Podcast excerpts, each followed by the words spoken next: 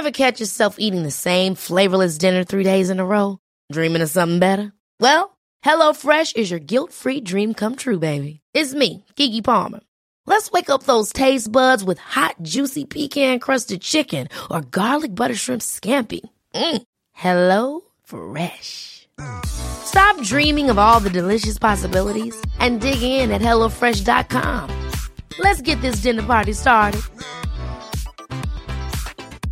Hiring for your small business? If you're not looking for professionals on LinkedIn, you're looking in the wrong place. That's like looking for your car keys in a fish tank.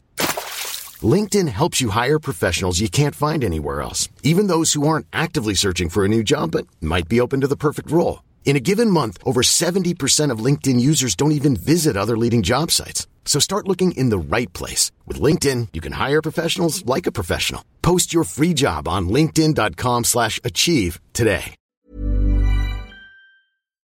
Hallå, Simon Gärdenfors heter jag och snart börjar min podcast Arkivsamtal. Podden ges ut i samarbete med Acast och med Mafia Comedy Club som ger er stand-up fem dagar i veckan i Stockholm. Mer info om det här hittar ni på maffiacomedy.se och på Ticknet. Detta händer snart. På onsdag den 22 juli uppträder jag med far och son på Emmaboda-festivalen klockan 18.00. Men det ryktas också om ett gig med en hemlig akt klockan 14.00 i kojan på samma festival samma dag. Som skulle kunna vara intresse för Arkivsamtals lyssnare. Så håll ögonen öppna som man säger. I övrigt så uppträder jag som stand-up-komiker i Stockholm, Strängnäs, Malmö, Kristianstad, Norrköping, Lund och Gävle. Så gå in på gardenfors.blogspot.com där ni även hittar länkar och datum till allt det här. Nu kommer Arkivsamtal som klipps av Mattias Lundvall. Mycket nöje!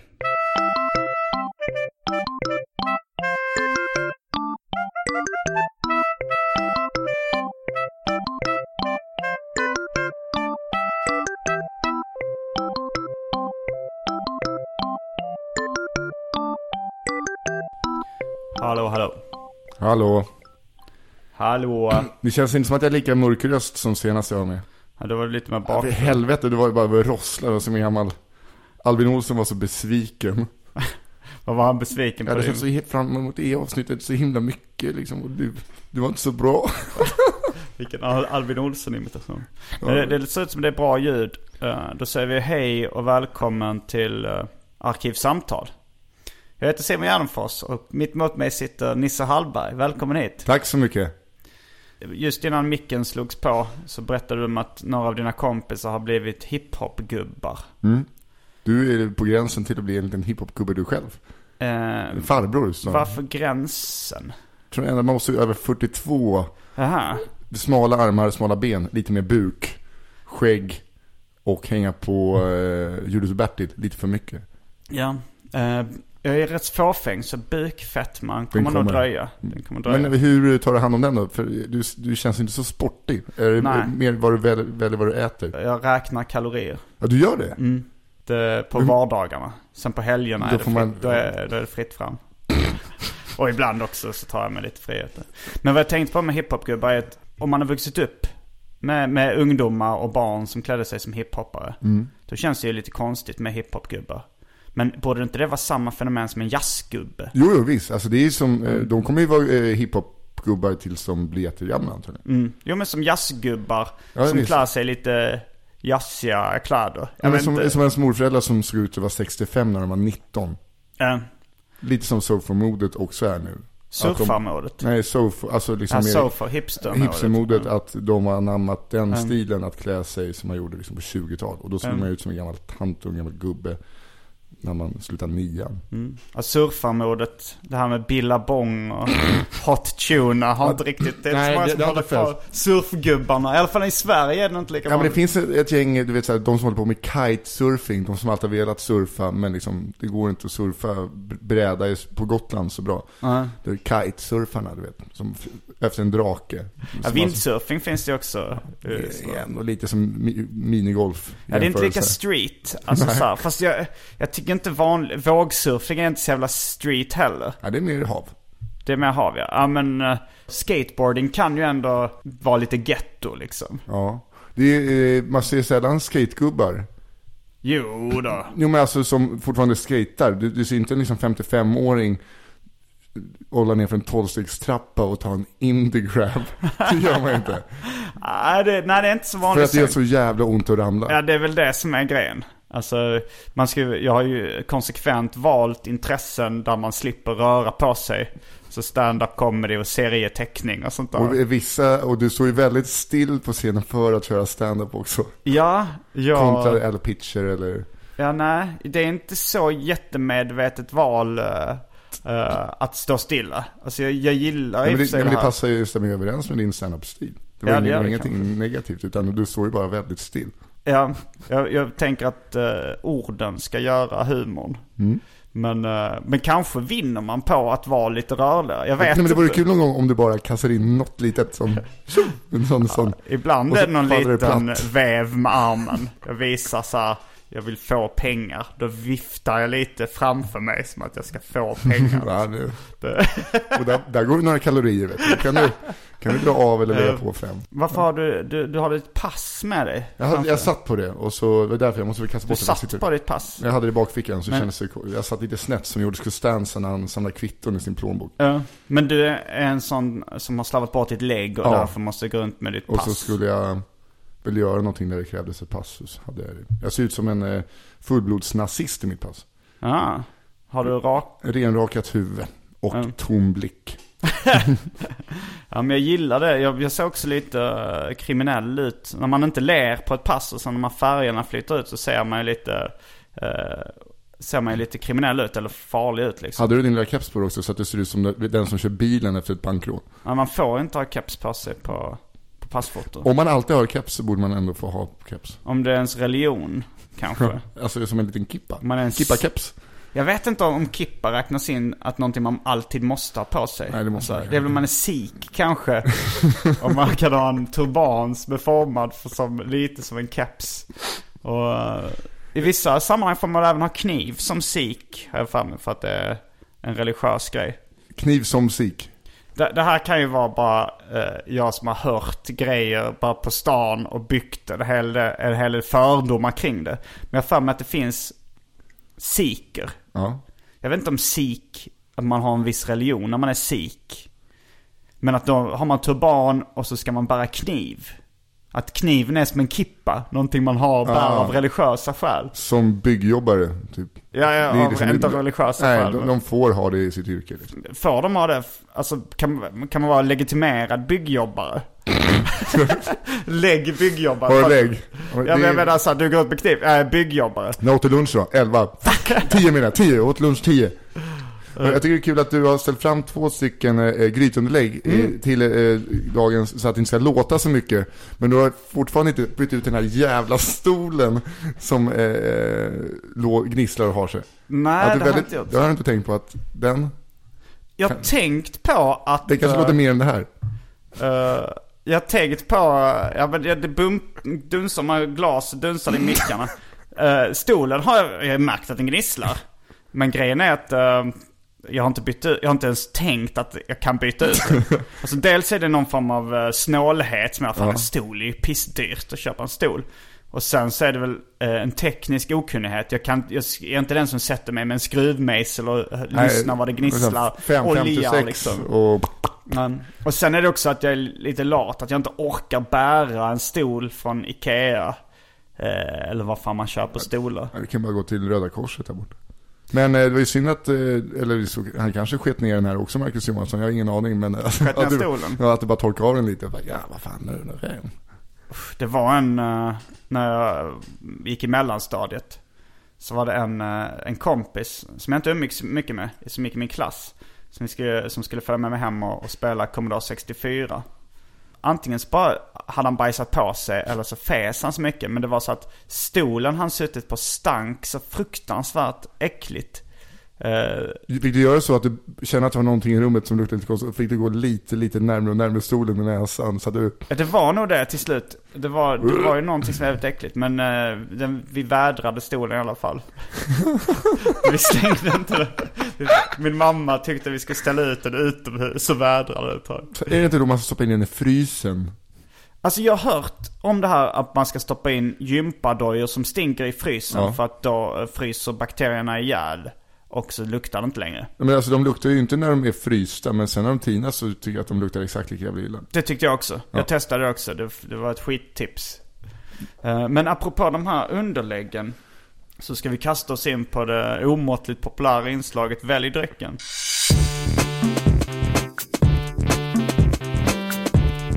Jag tror vi börjar med det fasta inslaget Välj drycken! Då har vi alternativen eh, Falcon Beer. Eh, det är en 2,8. Sen har vi Falcon Bayerskt. Det är 3,5 faktiskt. Okej. Sir Taste-A-Lot, också en folköl. Uh, sen har jag mjölk, Pepsi Max och för tråkmånsar och nejsägare vatten. Nu håller jag på att räkna kalorier här. Eh, så jag tror nästan jag får ta 2,8. 2,8, okej. Ja, Pepsi Max, eh, alltså det är ju absolut, det är ju sockerfritt. Men det är så fruktansvärt äckligt. Det tycker jag inte. Man vänjer sig. Kanske inte en bra tagline eh, för läsk, man vänjer sig. Men Fruktansvärt äcklig frågetecken, tycker jag inte. Man, Man vänjer vänjer sig. här kan nog bli deras ansikte ut. Det känns, skulle nog kännas lite mer smutsigt. Jag dricker det för att det är gott. Men det hade kunnat Det kombinera. är sådana som har cigarettspons, det känns också så jävla... Ja, det är kanske ändå, eh, om, man, om, man, om jag nu ska liksom koppla på någon slags moralisk sida som jag brukar ha bortkopplad så är det ju, rökning är ju väldigt farligt.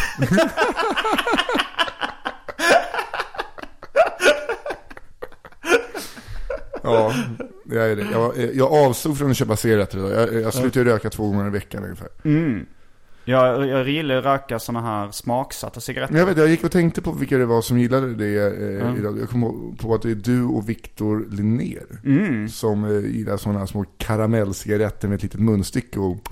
Ja. Det kanske är för att eh, jag är wigger och uh, Victor Linnér har Är brun. wigger. Är han också wigger? Ja, det är Eh, Fast han har brun hudfärg. Ja. Eh, Men i USA så är, det fick jag reda på ganska sent, att det var en afroamerikansk kliché att röka mentolcigg. De, I The Wire röker de Newport, tror jag, mentolcigg. Men, men jag hörde det innan, då kom det som en kalldusch mig. På samma sätt som att eh, Grape Soda skulle eh, vara med i samma kategori som vattenmelon och kyckling. Men det har du alltså eh, för dem. Eh, Fanta, Eh, mörkhyade och finnar. De älskar den skiten. Det, det är en av de mest obehagliga grejerna med Anders Eklund. Det var att efter eh, Änglamordet så gick han till krogen och beställde en plankstek och en Fanta. Vilket, alltså, hade det varit en plankstek och en öl hade det känts inte så konstigt. Nej, det är inte lika äckligt. Alltså det känns lite som att han ville, han ville njuta av den här ruset som mordet gav. Utan att liksom sudda det med en öl.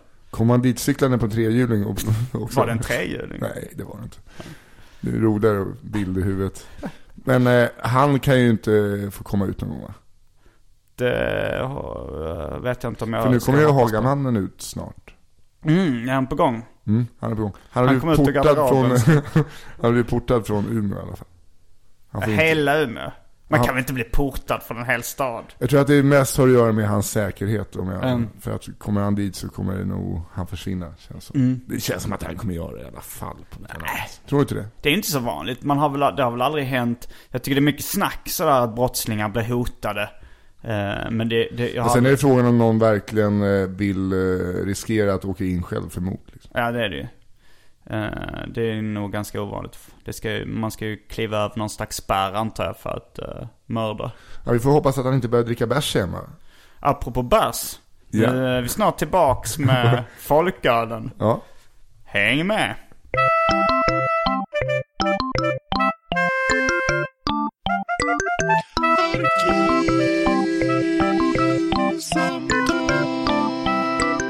Då är vi tillbaks med ett Falconglas och ett stop som jag ska ha till eh, min Falcon Bayersk som jag valde, 3-5. Och, eh, nej men jag tänkte på, apropå Anders Eklund, att han drack Fanta. Så fanns det en, eh, en tv-serie som gick på Nickelodeon som heter Keenan and Kel.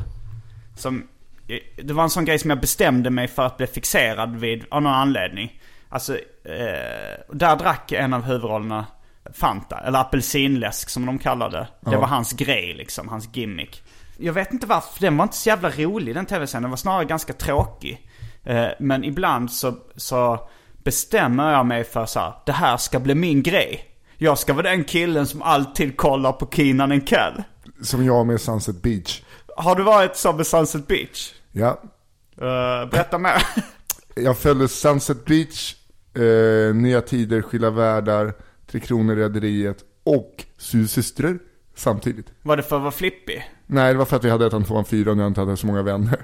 Ja, men, men då är det inte samma fenomen. Jo, fast ändå vill jag inte, jag kunde inte missa ett avsnitt av Sunset Beach. Nej. Eh, för att jag var ju tvungen att, alltså, för det blev ju min grej. Jag var, jag var ju tvungen att vara, Du blev den där killen som alltid kollar på Sunset ja, Beach. och det här, inte gjorde en big deal av det. Ja. Alla andra kollade på coola saker. Som typ Scrubs. Fanns Scrubs på den tiden? När det var ung. Ja, det borde det väl gjort. Eller? Nej, det kanske kom senare. Men alltså, jag kommer ihåg när Scrubs kom i början och folk bara, alltså det är så jävla bra. Alltså det är humor och mörkt på samma gång. och nu när man ser det, så är det svårt att se det där mörkret. Ja, jag också och humorn. Ja, humorn lite lättare. Ja, men det är så fruktansvärt. Jag sänker micken här, det kanske låter lite. Jag känner att det är sådär. Eh, det är ju fruktansvärt alltså. Eh, Scrubs, jag, är- jag är ingen jättestor fan av Scrubs. Men eh, Anton, Mr Cool Magnusson, han är riktigt stor fan av Scrubs. Plankstek och Fanta också eller? Du tycker det är samma kategori? Kan han liksom bända ner sig lite på, vid sin chaiselong och under en filt med en sån popcorn, Indiana popcorn på påse, färdigpoppade med cheddarsmak och bara ligga och mosa scrubs. Och fnittra. Och boxpumpa. Eh, det var ett uttryck jag lärde mig om att man, man liksom går igenom en hel DVD-box. Att man bara pumpar avsnitt efter avsnitt. Det är att boxpumpa. Ja men det är, fan, har, det har jag aldrig gjort. Har du gjort det med någon? Boxpumpat? Ja. ja, snackar vi... Jo, jag har faktiskt boxpumpat fysiska DVD-boxar också. Inte bara, men så såhär The Wire boxpumpade jag. Ja. Jag gjorde det nog också i stort sett med... Jag, jag såg inte Sopranos förrän liksom eh, hela tv-serien var avslutad. Jag såg vissa Ja, lösa den, avsnitt. fastnar, den fastnar man ju i. Något. Um, men, men jag tyckte The Wire var bättre. Men jag boxpumpade ändå lite sådana tv-serier. Jag är en av få som inte har sett hela The Wire. Som Mm. bara sett första säsongen. Tyckte den var svinbra och fortsatte inte. Okej. Men jag måste ju någon gång ta upp det. Ja, det, det borde jag. Men nu har jag fastnat i den här nya Bloodline. Vad är det? En Netflix-serie som är svinbra. Mm. eh, Är det humor eller realism? det, är, det är drama. Mm. Vad handlar det om? Det handlar om en familj som har ett resort eh, nere vid kusten. Jag kommer inte ihåg om det är eh, öst eller västkust i USA. Var nere i värmen. Mm. Och eh, så, eh, det har hänt lite saker i den här familjen. En, storebrors, ena brorsan är polis, en brorsa äger en marina och super lite för mycket. Så kommer det svarta fåret eh, i familjen Mm. hem då igen. Är det, är det dra, alltså är det övernaturliga inslag? Nej, nej, nej, utan det är mer eh, mörker. Okej, då kanske jag kan ge det en chans. Ja, det är bra. Mm. Jävligt bra. Så Men det är ingen Game of Thrones-kille med andra ord. Nej, jag gillar, jag gillar humor och realism. Mm. Men Det har är blivit något av en mantra. det är fr- fruktansvärt mycket realistiska bröst i Game of Thrones. Man är kan, de realistiska? Man, ja, man kan blunda när det är drakar och titta när det är tuttar. Men eh, finns det inte specialkomponerade filmer för bara pattar? För bara drakar. Ja, Jo. men man Fan, tuttarna förstör ju hela drakupplevelsen. Mm. Nej men jag har tänkt på det. Alltså min, min eh, sexualdrift går väldigt mycket i perioder. Alltså så ibland kan jag gå runt och vara sprängkåt hela tiden. Och just nu är jag inne i en period där kanske har jobbat lite för mycket eller ganska stressad. Så jag har, jag, jag går inte runt och onanerar hela tiden liksom. Nej. Eh, Annars kan du göra det bara lite... Ja, ja, jag har ju inget fast jobb så jag kan göra lite när jag vill.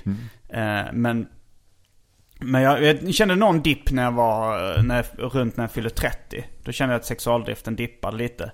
Eh, hur gammal är du förresten? 30. 30. Har du känt att din sexualdrift dippat? Eh, ja, det, varje gång jag, alltså är jag full, Eh, aldrig dippat.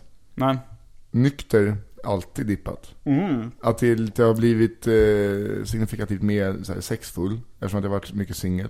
Eh, Och träffar tjejerna ute och festar. Så det blir ett betingat beteende. Det är Pavlovs klockor. När du känner smaken av alkohol, då reser sig penis. Ja, lite som en polare sa till mig, han har bajsrunkat så mycket så att när han sitter och skiter och känner doften så, blir, så, så blir han kåt för att då vet han att det är någonting som är på gång. Det, det är intressant. Det är så jävla äckligt. Men väldigt roligt. Ja, bajsrunka, ska, man ska uh, onanera samtidigt som man bajsar. Ja, eller att man bara sitter kvar och bara fuck it. Um, det, det, det, det är en av de stunderna i livet som jag kanske är minst stolt över. Som jag tror har hänt en eller två gånger.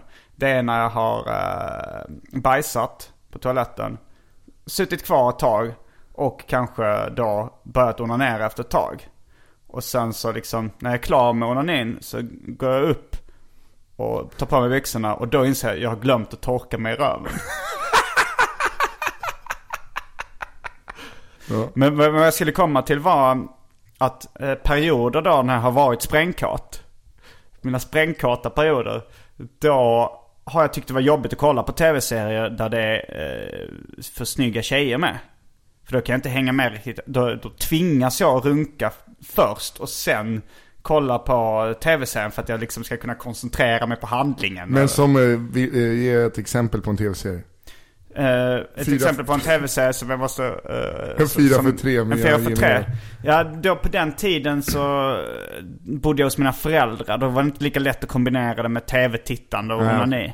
Förrän kanske jag fick tv på rummet. Men jag tror att jag kollade inte på en fyra för tre. För Lina Pernhed var ju för... Ja, väldigt snygg. Ja. Uh, alla var ju snygga i en 4 för 3 Och en kompis till mig, Petter Sjölund. Han, han brukar klaga rätt mycket på att så här, uh, ja, men han tycker inte han har tillräckligt stor framgång hos tjejer. Han brukar gnälla lite om det. Sen kom det fram i förbifarten att han har haft sex med en av tjejerna i en 4 för 3 Och då tänkte jag, nu raderar du allt ditt, alltså så här, nu har du inte tillåtelse att gnälla någonting mer om det här. Men eh, vem, du vet inte om det var Per? Det var inte Per, det var den andra. Okay. Men hon var, hon var även... Eh... Det hade varit kul om det var Björn Gustafsson den äldres fru, grannen. Jaha, nej det var någon av de eh, huvudrollerna. Ja, då så. Jag har, ja det är kändis, eh, kändis eh, status, där ligger man ju lä. Ja, det, du, ja, du har ändå i förtroende berättat uh, att du legat med kändisar. Det, det kanske är inget du vill outa i arkivsamtal just nu. Men, uh, men du kan ju inte hävda att du ligger i lä. Låg i lä okay. innan jag gjorde det. uh, men vad fan, jo jag måste, det var så jävla, jag kände mig som en eh, sann Eh, sann god människa, även fast mm. jag, var, jag, inte gjorde någonting när jag åkte tunnelbanan hit. Mm. kommer en liten spansktalande kvinna med en jättetung Dramaten i, ombord på gröna linjen mot Hagsätra. Får man höra en slapp imitation? Går den till Blåsutt? går, går den till Blåsutt? Eh, och så står det en, en sån fet, blonderad 45-50-årig kossa och bara Hagsätra. Så hon så här, går på lite och, så här, och det är ingen som hjälper henne. Hon, hon liksom kan inte riktigt läsa sig till vart hon ska. Så går jag fram och säger du får byta nästa och så åker du mot Farsa strand. Och så här. Men så blev jag så jävla sur på den jävla tanten. En riktig jävla SD-hagga. Som sa Hagsätra? Nej men så här, inte bara så här, ah, du kan åka, gå på här och hjälpa mm. personen i fråga. Jag har inte kunnat sluta tänka på det för att hon är ändå en sån här 45-årig kossa. Som går till någon spanjorska och vaxar fittan eh, som hon kan fotografera och lägga ut på Happy Pancake för att ha sex med 26-åriga killar från Colombia. För att de är lite mystiska och härliga. Och sen bara vara en fördomsfull gris. För att hon sa Hagsätra? Ja. Det, jag, jag, skulle ändå säga att de här, alltså den repliken Hagsätra, att eh, den här rasismen som fanns i den repliken. Det var, det var nog ändå lite mer eh, fördomar fast liksom åt könsfördomar och sexism i hela din eh, rant där än vad det fanns rasism i henne. Du skulle sett hur hon såg ut. Hon såg ut som att, nej men hon, det kan jag säga, du vet. Sånt där läser jag av. Man känner sig själv genom andra. Uh, nu när du har tagit, hur var din uh, Falcon Beer? Det är, alltså jag är väldigt svag för uh, mm. två åter och lättöl. Ja, lättöl är det ju inte. Nej, men det är ju en 2,8. Mm. Men eh, lätt, Jaha, ja, ja. lättöl och alltså så här, folköl tycker jag är svingott. För det blir som eh, ölsmakande mineralvatten på något sätt. Ja. Men är det tillräckligt mycket alkohol för att du ska få sexuella känslor? Du menar om jag sitter här och kåtar ur totalt Ja, om du, om du får styv pick så att säga. Nej, men alltså jag tror att allting som stimulerar mig, alltså allting, eh, alltså om man röker gräs eller vad man än gör. Så fort man blir lite påverkad, då blir jag, eh, blir jag kåt. Mm. Eller inte kåt, men jag blir mer sexuell. Sexuell? Alltså att du, gör, du, du är närgången? Alltså du, du försöker få det här till att jag är Hagamannen. Nej, men jag tänkte bara att Kommer du du, kommer du ut och misshandlar någon i en närgången buske? efter, alltså så här, att, att du inte är kåt men mer sexuell. Då tänker man ju så att du är lite, du Ja, viskar, kanske- snuskar saker i öronen på folk och så. Nej men utan jag blir, min eh, sexualdrift blir väl större om jag är påverkad av något. Är det inte det som att vara kåt? Nej men kåt, jag ser bara framför mig att man så här, sitter krampartat håller sig, du vet, Björn Gustafsson kåt. Nej vet du, eh, Robert Gustafsson kåt. Liksom lägga sig i en frysbox kåt. Aha. Men det är väl mer att jag är benägen att kunna ha sex när jag är inte, för att jag tycker sex är ganska, du vet, så här, två, man ligger nakna två personer och det är massa kön och det är svettigt och, och man är lite full. Då bryr man sig inte om det. Alltså det är, det är alltså så här fylleimpotens och liknande. Jag är nog snarare tvärtom. Att om jag är helt nykter då kan jag bli så nervös att eh, jag får im- tillfällig impotens. Men när jag är lite packad då skiter jag i allt. Och då, då har jag inga problem. Nej men det är väl lite eh, så jag eh, funkar också. För det är mycket snack om fenomenet eh, vinballe. Som jag inte hörde förrän jag flyttade till Stockholm. Det uttrycket. Jag tror inte det är skånskt. Nej. Men, men, för jag diskuterade med en kompis igår. Ciderballe. Vad sa du? Cider, Cider? ciderballe.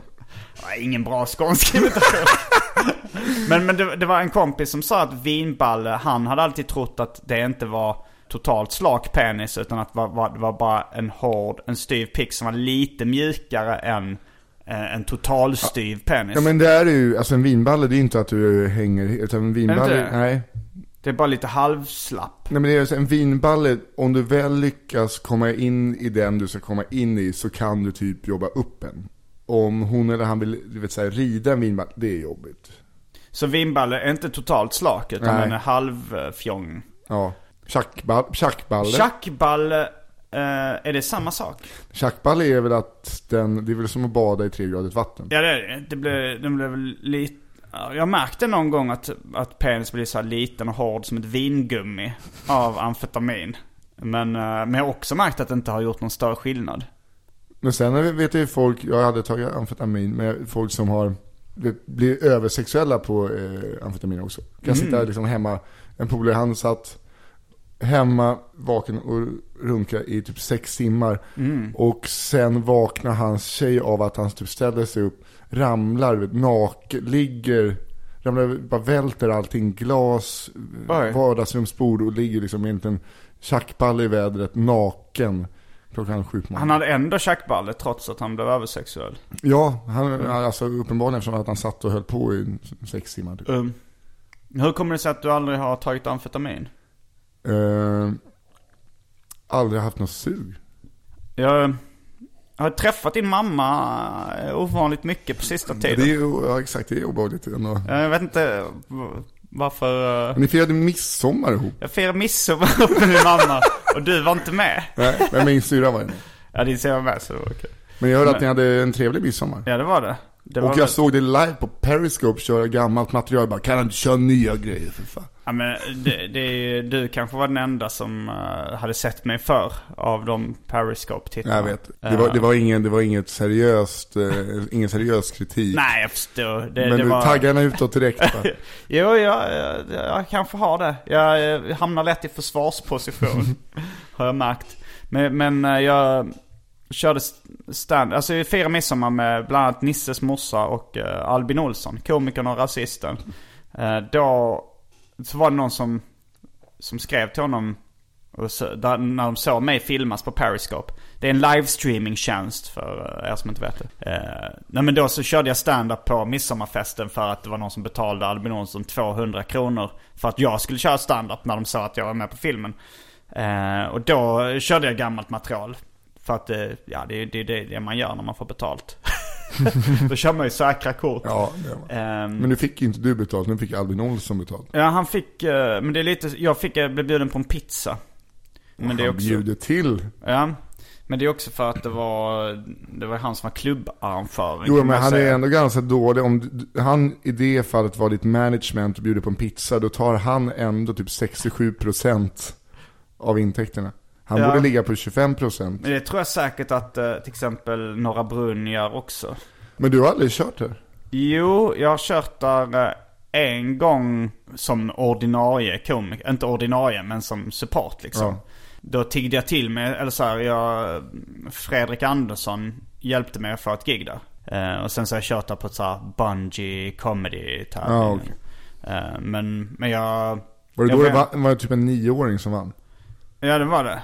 Det var, det var ett barn som vann, men eh, han hade kört lite efteråt. Det var många, jag har inga belägg för det här, det var många som misstänkte att eh, det var hans pappa som spökskrev materialet. Delvis för att materialet handlade om pappan och hans, och hans liksom 40-årskrisproblem i stort sett. Alltså det här är ett troligt scenario. Pappan eh, skrev lite, sta- gillar stand-up, skrev lite stand-up skämt. Och sen tänkte ah, är det inte roligare om eh, min son kör det här? Ja, det här är, det här är, det låter ju som den bittra förloraren. Jag Ja. är den bittra förloraren. Hur gick det för dig? Vart kom du? Eh, jag kommer inte med överhuvudtaget. Vadå? Ah, du åkte ut i första gallringen? eller? Nej, nej, alltså alla, det, det var lite som en dagistävling för att alla som ville gick vidare till final. Eh, Va? Det var olika omgångar. Så vilka vill gå vidare till final? Var Ja, det så? det, det var bara så här, finalen är då och då, alla som vill får. Och sen så var, så var det liksom en, det var inte en final som två pers utan det var två omgångar. Så Okej. var det väl vissa som hoppade av då efter första gallringen. Men sen eh, var det tre pers som liksom, eh, första plats, andra plats och tredje plats. Ingen av dem har eh, fortsatt med stand-up vad jag har sett i alla fall. För Bang, alltså jag har ju aldrig varit med i Bang, men i början då var det inte, där har det kommit fram jättemycket bra folk från de första Ja, Bang. För då absolut. kändes det mer, man hade tre minuter. Eh, ja, tre minuter hade man. Ja, fy fan, det hade jag heller. Jag hade, också, jag hade inte ens fått komma. Alla som vill får vara med i final. Du som körde 17 minuter där. Du behöver inte, du behöver inte komma. Ja, de enda som har fortsatt från den omgången vad jag vet är jag och Felicia Jackson. Hon, Okej. började, hon började samtidigt också. Och det här var typ tre år sedan. Ja, det var nog två och ett halvt i alla fall. Du har inte hållit på länge så alltså. Nej. Det var, jag började skriva skämt för 1105 dagar sedan. Men eh, jag, det, det vill säga att jag skrev skämt eh, långt innan eh, jag ställde mig på scenen för första gången. Men det var ju det som var så skönt i början. Då hade man ju ändå ett lager av anekdoter, alltså som man kunde, saker man har tänkt på innan man började. Ja. Så det är lättare att hitta skämt Ja. än vad det är nu tycker jag. Nu, nu, jag, jag tvingar mig själv varje dag att hitta på ett skämt. Så då, har, då är det lite som att jag har övat upp en muskel. Att Ja, det, så här, det ju- går lättare och lättare på något sätt att... Men du skriver ju, om du jämför med när jag, om jag skriver skämt, du skriver Ja. ganska kort, kortare skämt liksom. Ja, det är sällan mer än en uh, halv A4 som är ett skämt. Nej. Och en halv av, det är typ en och en halv minut. Två minuter. Ja, det är det kanske. Mm. Så det är ändå, det är bra, bra jobbat.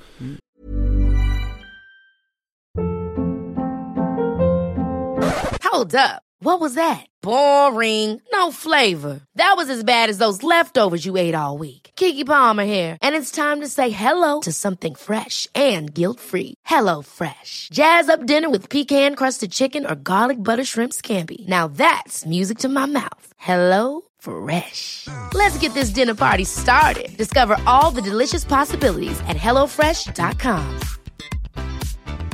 Quality sleep is essential. That's why the Sleep Number Smart Bed is designed for your ever evolving sleep needs. Need a bed that's firmer or softer on either side? Helps you sleep at a comfortable temperature? Sleep Number Smart Beds let you individualize your comfort so you sleep better together. JD Power ranks Sleep Number number 1 in customer satisfaction with mattresses purchased in-store. And now, save 50% on the Sleep Number limited edition Smart Bed for a limited time. For JD Power 2023 award information, visit jdpower.com/awards. Only at a Sleep Number store or sleepnumber.com.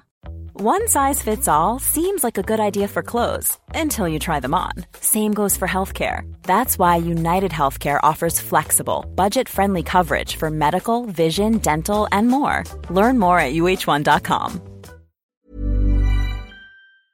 Jag låg igår och kunde inte somna. För jag gick upp klockan fem på eftermiddagen igår. Oj, du sov i- till 17.00? Ja, jag, från, jag sov 16 timmar tror Jävlar. jag. Eh, men jag var, Av lite, någon speciell anledning? jag var lite sjuk och eh, sov lika långt några kvällar innan. För att då hade jag fått något lugnande och sömnvätska via en liten pipett. Va? Berätta bakgrunden till den här. Jag och eh, David Sundin hade varit hemma på middag hemma hos Kalle Schulman. Mm. Och så träffade jag upp några polare som jobbar på en krog. Så hade de fått, fått massa vin av gästerna som de inte hade druckit upp. Så här Mm. svindyra viner. Slattar. Ja men typ halva flaskor flaskor, på så här 4000 kronors flaskor. Så de satt, ena killen är jätteduktig sommelier, andra är jätteduktig kock. Så de satt på en bänk, det var så här första så här riktiga sommardagen och soluppgång. Så satt vi där och drack vin. Och sen åkte vi hem och då var det ena killen som av sin chef hade fått något sömnmedel som då uppenbarligen var olagligt i Sverige.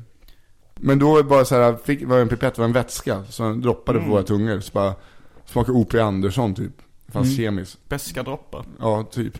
Så bara körde han på. Är Oppe Andersson, det är inte beska droppar? Nej, någon- droppar är bästa droppar. Ope Andersson, Ope Andersson. Ja. Men de brukar ofta komma i samma små snapskit. Mm.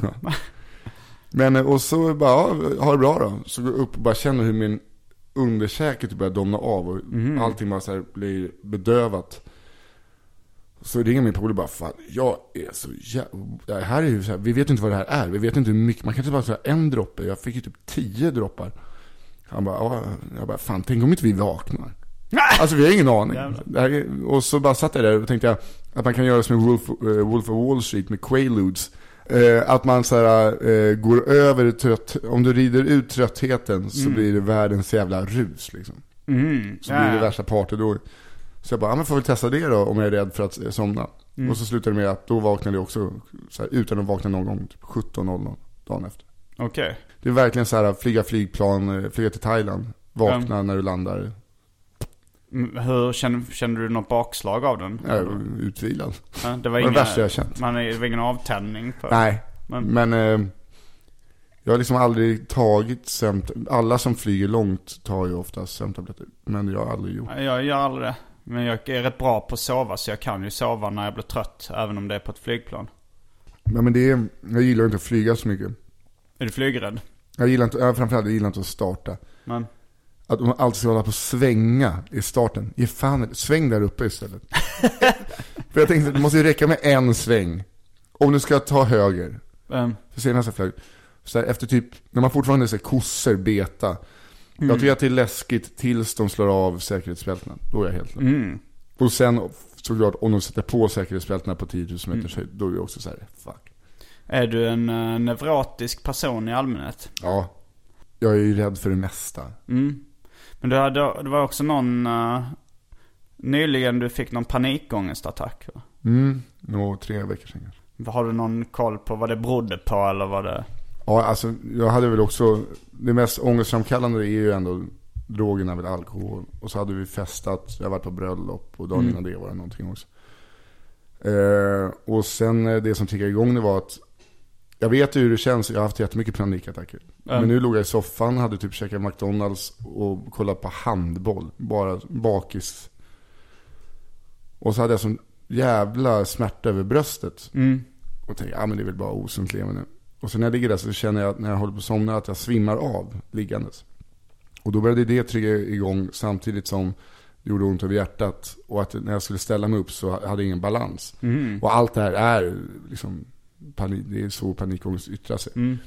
Eftersom att jag vet hur panikattacker känner sig så fick jag ju för mig så här, det här är något annat. Så jag fick av min Ah. syster, eh, hon hjälpte till och vi ringde runt en massa. Och sen började jag spy och så kom det blod. Åh jävlar! Och då sa de så här, "Nej, ni, vi skickar en ambulans nu. Mm. Och sen var det bara panik. Men kan man spy blod av bara panikångest? Jag, jag spydde. Mm. Antagligen för att jag hade ätit McDonalds för 140 spänn. Så att jag hade mat liksom upp hit och var nervös. Och Får man höra lite om din beställning för 140 kronor? Eh, pff, ska vi se om det inte var en dubbel McFeast med extra ost. Alltså sex... två McFeast eller Alltså, finns det? du- dubbelt kött. Dub, dubbellager? Man, man, bara, man bara specialbeställer grabben. med extra ost, ett sexpack nuggets, två dipsåser, en cheeseburgare och kanske chili cheese. Har du ätstörningar Nisse Hallberg? Alltså inte mer åt det feta hållet. Nej, eller att jag kräks av. Nej men jag vet inte, det bara låter som, det låter inte som en normal persons beställning. Nej, men alltså jag vill ju ha allt om jag eh, äter McDonalds. Och McDonalds kan man egentligen bara äta full eller bakfull. Eller framförallt bara full. Mm. För det är ju jävligt äckligt alltså. Men, men, men var, var kom det röda blodet från då? det röda blodet kom från... eh, Jag tänkte att, alltså nu tänkte jag så här, det kanske var att du hade druckit så mycket rödvin att du trodde att det var blod. Nej det var blod, men det var ju bara att det var, eh, de bara, är det färskt blod eller gammalt blod? Mm. Och det var ju färskt, det var ju bara något som hade brustit i halsen antagligen. Det är inte så bra. Nej men av att jag, du vet man spänner sig och spyr. Liksom. Ja, händer det? det Men jag har aldrig hänt förut, det var därför, Ja. då fick jag ännu mer. Så allt det där, de, för att det, min panik i grund och botten eh, grundar sig i, pa- hö, i hypokondri. Mm, mm. Så det är det som har triggat igång det under alla år. Och då var det, var det väl hypokondrin som... Och det var det som var så jävla jobbigt på akuten. De tog EKG en gång i ambulansen, två gånger på akuten. Och bara, ja vi har kollat. Eh, hjärtat såg lika bra ut som när det var här för ett år sedan. Och det var bara, hörde man sig själv. Ja just det, jag var inne akut för ett år sedan också med samma sak. Så de, eh, de har väl en journal som bara är så här röda stämp, varningsstämplar. Men hur, är du inne i en eh, bra period eh, annars? eh, Eller, för jag antar att det går rätt mycket upp och ner om man är en nevrotisk person med Ja, hypokondri. det, ja, det går. Alltså nu känns det bättre. För att eh, det problemet är att min hypokondri har alltid satt sig på fysiska sjukdomar. Nu har den satt sig på psykiska sjukdomar. Mm. Det brukar oftast gå så. Och så får jag panik av det. Så att eh, man, jag går runt och ifrågasätter vem jag är. Mycket, så här, rädd för att bli galen. Mm. Och nu har jag inte blivit galen än. Så nu har det börjat släppa lite. Mm. Det är ju rätt roligt att det kan bli en galenskap av att vara rädd för att vara galen. Ja, jag vet. Det är så jävla... är du rädd för cirkeln att- är sluten. Jag vet ju att det inte alltid går hand i hand hur man mår inombords och hur eh, ens karriär går eller yttre faktorer och sådär. Men det verkar ju gå väldigt bra för dig just nu. Ja, nu rullar det på. Men jag hatar mig själv för att jag har varit nere på... Sen vi gjorde alla mina kamraters morgonshow. Har jag inte varit nere och kört i princip några så här gratis skogsgig och satt massa nytt material. Utan jag har fått göra det på typ Norra Brunn eller testa på turné. Det är ju som proffsen gör. Jo, det är så jävla fegisar gör. Ehm, Tycker jag.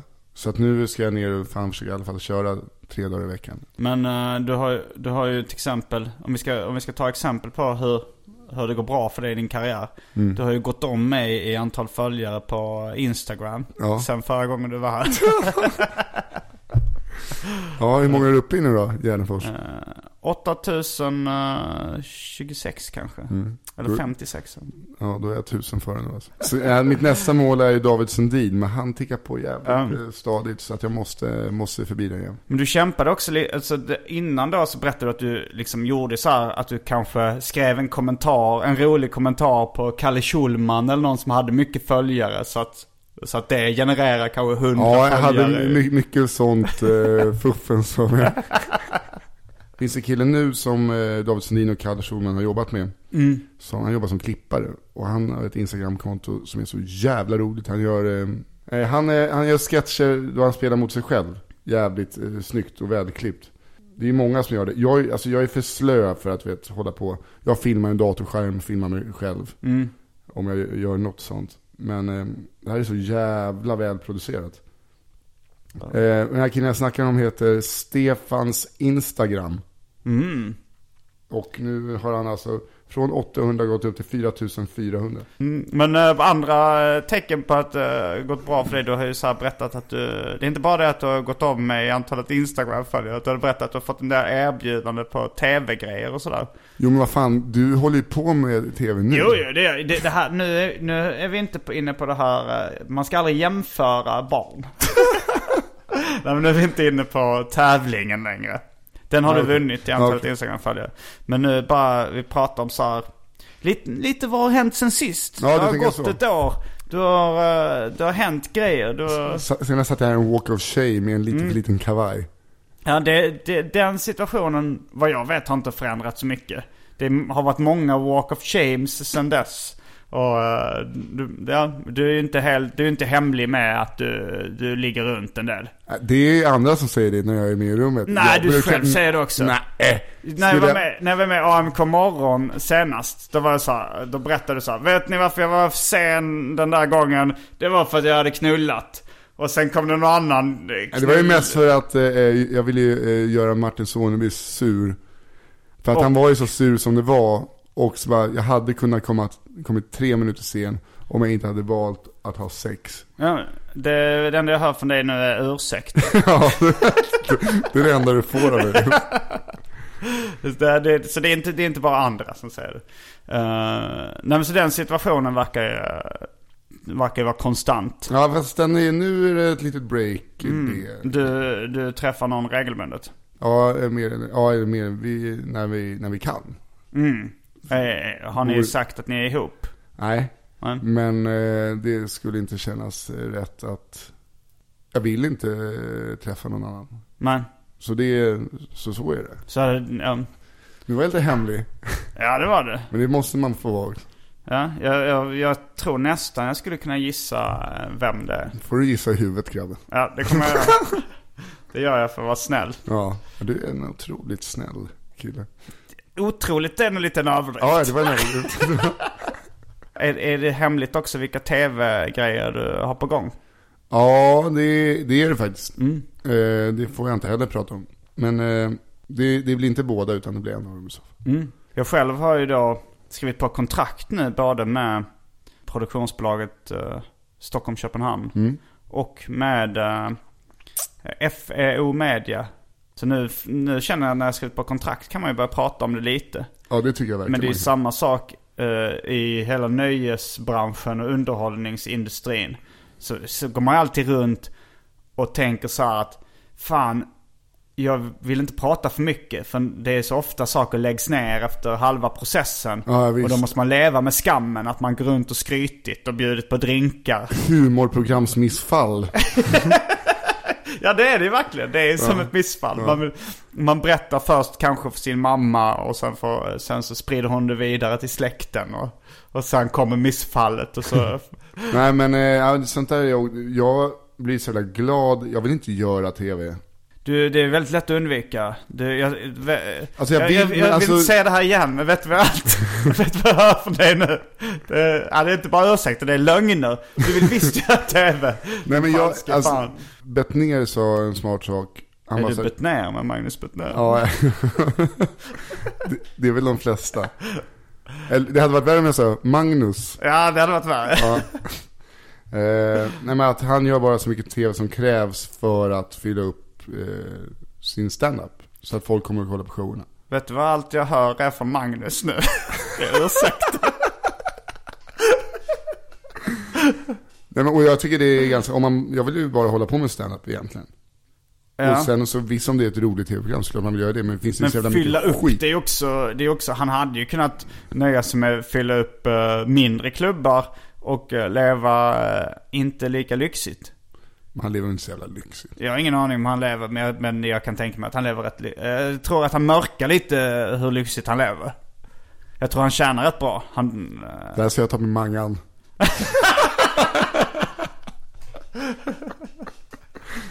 Uh, nej men jag, jag, jag tror, alltså det är ju ofta så också att det blir lite, alltså framgång blir beroendeframkallande. Att han sa säkert så för att han någonstans vill känna så. Eh, han- och sen så när han fyller stora scener och har- får tv-erbjudande. Då kan han, jag tror inte han skulle tacka nej till något så här fett tv-jobb bara för så här, nej men nu har jag nog med... Men han kan ju välja och vraka bra mycket bättre än Ja. eh, vi kan göra. Liksom. Jo så är det ju. Men eh, jag gör ju hellre som typ han och Soran 1100 pers än 110 pers. Såklart. Det gör väl jag också. Och jag tror, både, jag tror de gör säkert hellre eh, 5000 än eh, 1100 pers också. Och då, då kanske, då, då är hela den sägningen eh, Det hade dock inte, det hade fan inte jag eh, gjort. Alltså hellre en teater än att så här, i Färs och Frossa arena.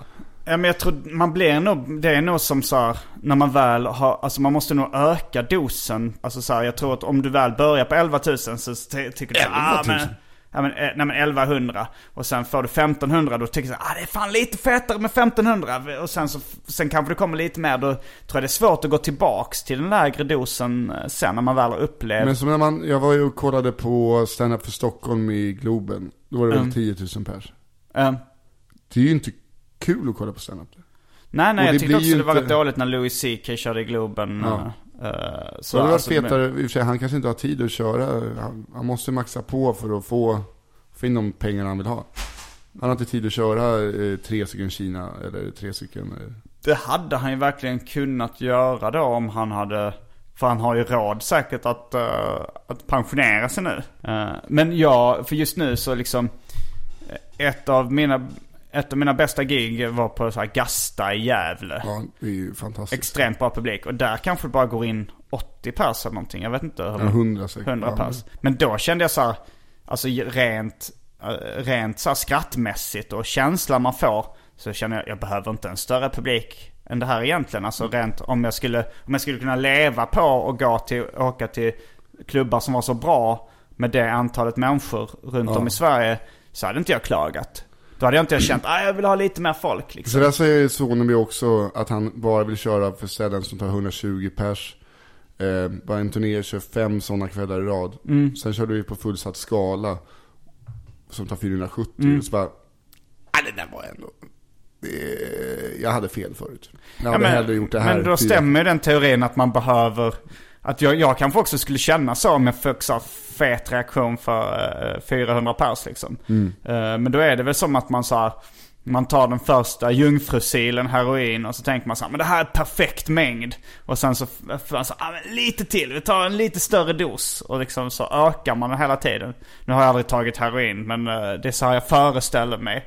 De här skräckpropagandan från Hem och Skola. Man, man behöver mer och mer va. Ja, jag vet. Vi, var, vi kommer aldrig i närheten av den första resan. Alltså. Ja, så är det ju för inte med stand-up. Man kommer ju, den första resan Ja, är var- ofta jävligt rutten. Det var som att eh, ens eh, oskuld, att man blev våldtagen under sin oskuld. Hade du ett eh, horribelt första gig eller? Ja, eh, jag vet inte om, alltså i min hjärna var det horribelt. Mm. Eh, det, var inte, det var inte mycket skratt, det kan ingen påstå. Det, ska, det, det kan ingen påstå, men det kanske inte, alltså om man jämför med de andra på Bungee Comedy så var det säkert ett normalt första Bungee Comedy-gig. Mm. Men jag hade trott att jag var bättre än de andra i min hjärna innan det gigget. För jag tänkte så här, men jag har hållit på med humor innan, jag har stått mycket på scen som rappar och så här. Jag har ett försprång, det här kommer gå skitbra. Någonstans hoppades jag på att vinna hela skiten. Ja, fan jag är nog bättre än dem liksom. Slå med ett barn, sex år gammalt, Ja, i och två, två stycken vuxna som, som eh, domarna tyckte var bättre också. Eh, och även på deltävlingen fanns det, jag vet inte om en eller två då fick någon slags pris. Eh, så, jag, så jag fick ju ingen utmärkelse överhuvudtaget. Och det var inte mycket skratt och jag kände mig självmordsbenägen. Eh, Jag hade, inga, jag hade liksom inga långt framskridna planer på, på självmord. Men, men, jag, men jag kände, det, det, alltså det var ju verkligen... Du såg möjligheter varje gång du duschade och såg duschslangen. Ja, nej men det var, det var verkligen så här, fy fan vad jag mår dåligt av det här. Alltså så här, för att hela min självbild raserade. Jag tänkte så här, jag kanske inte är rolig. Alltså jag kanske bara fått för mig det. alltså det var verkligen en knäck för självförtroendet. Jag kommer fan ihåg allt material jag hade första gången. Mm. Jag pratade om permobilpoliser, eh, flagman i reggae-sammanhang. Han som bara spelar flagga. Eh, det var Någon som viftar med en Ja, flagga. men, det, det, Damien Marley, då är det liksom ett band på 12 pers och så är det en kille som viftar en flagga i två timmar. Det har jag inte tänkt på. Men det, Det när du fett. säger det så får jag upp en bild. Det finns ju en flagman. Och sen, eh, jo, om eh, dildofester. Att det är något spännande, men lösfittefester har aldrig fått samma shroom. Ja. Det var så här, jag, Var körde du ditt första gig? Big Ben. Big Ben? Ja. Och det gick bra. Mm. Och sen då fick man ju så här, woo! Sen typ andra giget var det som en jävla gott röra krasch. Nej, andra giget då körde jag i 16,5 minut, fick 5 minuter. Okej. Men då hade det kommit så mycket polare till mig och det gick väl också bra så att eh, Thomas bara lät mig fortsätta. Aha, okej. Ehm, och sen eh, efter det, för jag, då skrev jag nytt material till varje gång. Ehm, Och sen då varannan gång så kraschade jag totalt. mm. Men jag tror jag såg det rätt ofta på Big Ben då, för då gick jag mycket på stand-up. Det var... Jag är inte säker på om det var exakt när du... När, vilket år var det du började? I september nu, fem år sedan. Ja men det kan, jag tror, för jag kommer ihåg när du dök upp på de scenerna och tyckte det var väldigt proffsigt. Jag fick för mig då att jag hade sett dig på tv, på Raw Comedy. Nej, Men det var nog bara en... eh, de la ju ner, när jag blev signad på Raw, då la de ner Raw Comedy. Så jag är helt säker på att jag skulle åka, få åka med på turnén, och det fick jag inte. Tog med Järvheden och um, andra. Men, men det var, för jag hörde någonting, för du, ett skämt du körde mycket i början det var att du var med om en trekant och så visade det sig att den tredje var en hund liksom. Det var rycka undan mattan skämtet var att, det, att, äh, att du berättade om en trekant som om det var människor och sen visade det sig vara en hund. Och sen så har jag hört i efterhand att det är en så kallad sibirisk cykel. Att det är många som har kommit på ungefär samma skämt. Eh, Ah. Fast i andra sammanhang. Fast jag berättade det bara som det var. Ja okej. Eh, men... Att jag Uh, hade sex med en tjej och så kommer en hund jo. och dammar upp nosen bakifrån. Och, Jo men det, men det var andra som hade berättat Ja. ett liknande skämt innan. Men det, så det kan ju vara därför jag hade hört det skämtet innan och tänkte att det här är en etablerad komiker. För jag känner Jaha, igen okej. skämtet. ja, det Men, finns eh, nog, ganska, det är ju lågt hängande frukt. eh, Ja det är det nog. Så att, eh, Kör du det skämtet fortfarande? nej nej nej för fan. Det har jag inte kört på tre år kanske. Ja, men jag tyckte det var, det var roligt. Då när jag hörde det hade jag... Ja det var ju min första sån här riktiga closer. Eh, eftersom att det slutade, avslutades med en callback. jag tror till och med jag hörde någon som kan ha varit klubbägaren Thomas Bundesson som skrek Kör uh, Anton-skämtet. Ja exakt. Hunden hette Anton. Ja, det var det och eh, mitt första Micke Persbrandt-skämt som också var så här, som folk kunde ropa efter. Det gör de fan inte idag. Jo, folk kan ropa efter det. Eh, jag har ju bara släppt två klipp på, eh, på YouTube. Ehm, Och ena är, jag hade ett skämt om det okända. Det kan folk vara såhär, det, det vill jag höra. mm. Så bara, vad fan vill du höra någonting som du har hört? Ja det, det, Fast så tänker man ju själv. Jag ber ju dig köra skämt som jag tycker är roliga som jag vill höra igen. ja. Så att så är det väl, att man vill höra det man tycker är kul. Ja, det är ju lite eh, dubbelt det där. Det är därför Paolo Francisco har kört samma material i 20 år. Kör han fortfarande standup? Och han kör fortfarande... Men Han är ingen, inget ledande namn längre.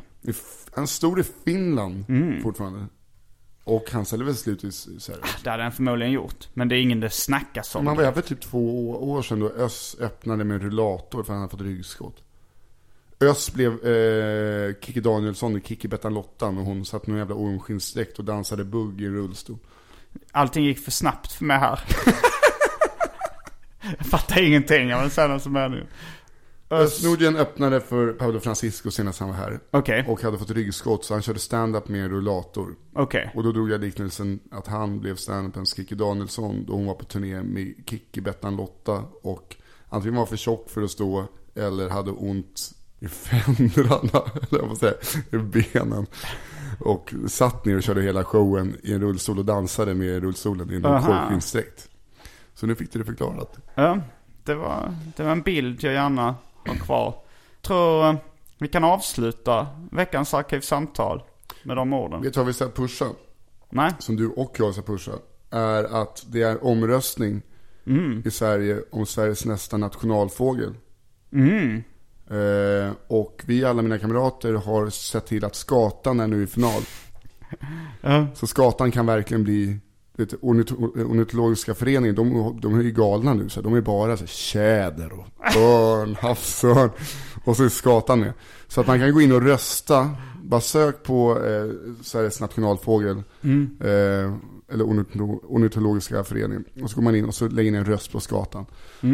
Så eh, kan ni säga att ni var med om att eh, göra skatan till Sveriges nationalfågel. Tror du att det finns någon risk att de kommer att valfuska? Fast det kan ju inte vara valfusk. Vi måste ju få, fan vi har Nej men jag menar att de sa så här, oj nu vann tjädern i alla fall. Ja du menar att de valfuskar? Ja. Den risken är överhängande Jag tror nog också det. Jag har mycket släktingar som är fågelskadare. Okej. Min uh, farbror min farsa i viss mån också. Har de, eh, kan de göra läten också? Sitter hemma vid julen, tittar på den där öppna spis-DVDn och lyssnar på Benny Anderssons 101 fågelläten och bara myser och dricker toddy. Eh, var, min barndom var det en del fågelläten. Uh, alltså man lyssnade på olika... Min, min farmor, eh, hon, uh, jag kommer ihåg hon dejtade en yngre man som hette Göran. Som var... Uh, Kåt-Göran. Ja, han, han spelade in lite olika fågel... Jag tror han gjorde sina egna fågelband också. Fy fan Göran. Hur mycket yngre var Göran? Bra bit yngre. Jag tror, jag var nog för liten för att fatta Att Göran var 23. skandalvärdet. Men jag tror att min farmor var nog, alltså så här, hon var nog i 65 minst. Eh, Kanske knuffa på 70. Och Göran var nog runt 30. Nej, Kåt-Göran. Helvete vilken hjälte. Jag är inte helt, eh, jag är inte helt hundra på de här uppgifterna. Det är bara rena gissningar. Kunde farmor ligga i sängen och spela, låt som en tukan. Låt som en Det kanske var det. Fast Ja, jag, jag, jag tänker Göran kanske inte behövde anstränga sig så mycket. För det kan vara min farmor ändå som var vinnaren i dramat. Som liksom fick en väldigt mycket yngre älskare. Var, var de tillsammans länge, Kåt-Göran och farmor? Ganska länge faktiskt. Du vet, han behövde inte vara onykter eller påverka någonting för att få upp den. Vet, Kåt-Göran. det, min, min farmor är ju död idag. Men det Kåt-Göran lever fortfarande idag. Och, och kommer förmodligen bli informerad om att han är outad i Arkivsamtal. Jag kommer inte ihåg vad han hette i efternamn. Men han kom från Gävle i alla fall. Han kanske var på mitt senaste stand-up-gig på Gasta i Gävle. Om du såg någon gubbe, eller gubbe som gick med en riktigt lastgammal tant därifrån så var det antagligen Kåt-Göran. Och gjorde tjäderläte. Det var nog med en orre. Ja, Det lät som en orre. Som eh, på ungdomsslang nu eh, betyder hora, har jag fått lära mig sen. ja, det är ju hemskt. Kan hörde uh, Petra dokumentär om Göteborgs Orros. Det var en spännande Instagram-upploppet. Ja, det. den måste jag lyssna igenom. Jag har hört eh, roliga saker från polisen som blev någon Instagram-polis. Eh, Eh, som inte riktigt visste vad, hur man skulle göra. nej, Det bara inkastade. det var lite motsvarigheten till de här uh, Heta linjen-upploppen i Stockholm som var för, på 80-talet. Heta linjen, Fan, finns också en Petra dokumentär om. heta linjen upploppen. Ja men de, de bestämde sig för massa folk som ring, brukade hänga på Heta linjen och liknande eh, telefonlinjer liksom. De kopplade ihop. Det var ju ungdomarnas sätt att kommunicera Ja, innan internet. Och då så gjorde de en stor träff som ballade ur. De hade inte, det kom jättemycket folk och så kom det polis och så blev det bråk. ja, fylla en timme dokumentär om det, blir intressant. Ja, jag vet inte riktigt hur de fick ihop det. Men det var, inte- det var inte den tråkigaste Vi har inte varit och tafsat på förintelsen än, eller förminskningen som vi kallar den. Det har ta- de nog gjort. Eh, Eller, Ska vi det eller ska vi ta den heta linjen, du vet. Alltså kåta 16-åringar och en gubbe som står längst bak och som har låtsats att han är 23. Nej men eh, ofta är det ju, ett smalt ämne kan ju ofta bli jävligt bra. Alltså jag älskar ju Kalle Linds uh, TV-shop avsnitt av Snedtänkt till exempel. Där de intervjuar TV-shops grundare. Uh, det är skitbra avsnitt. jag måste faktiskt lyssna in Kalle Linds Mm. podcast, jag har inte hört någonting. Eh, och med de orden så avslutar vi veckans avsnitt av Arkivsamtal. Jag heter Simon Gärdenfors. Jag heter Nissa Hallberg. Fullbordat samtal.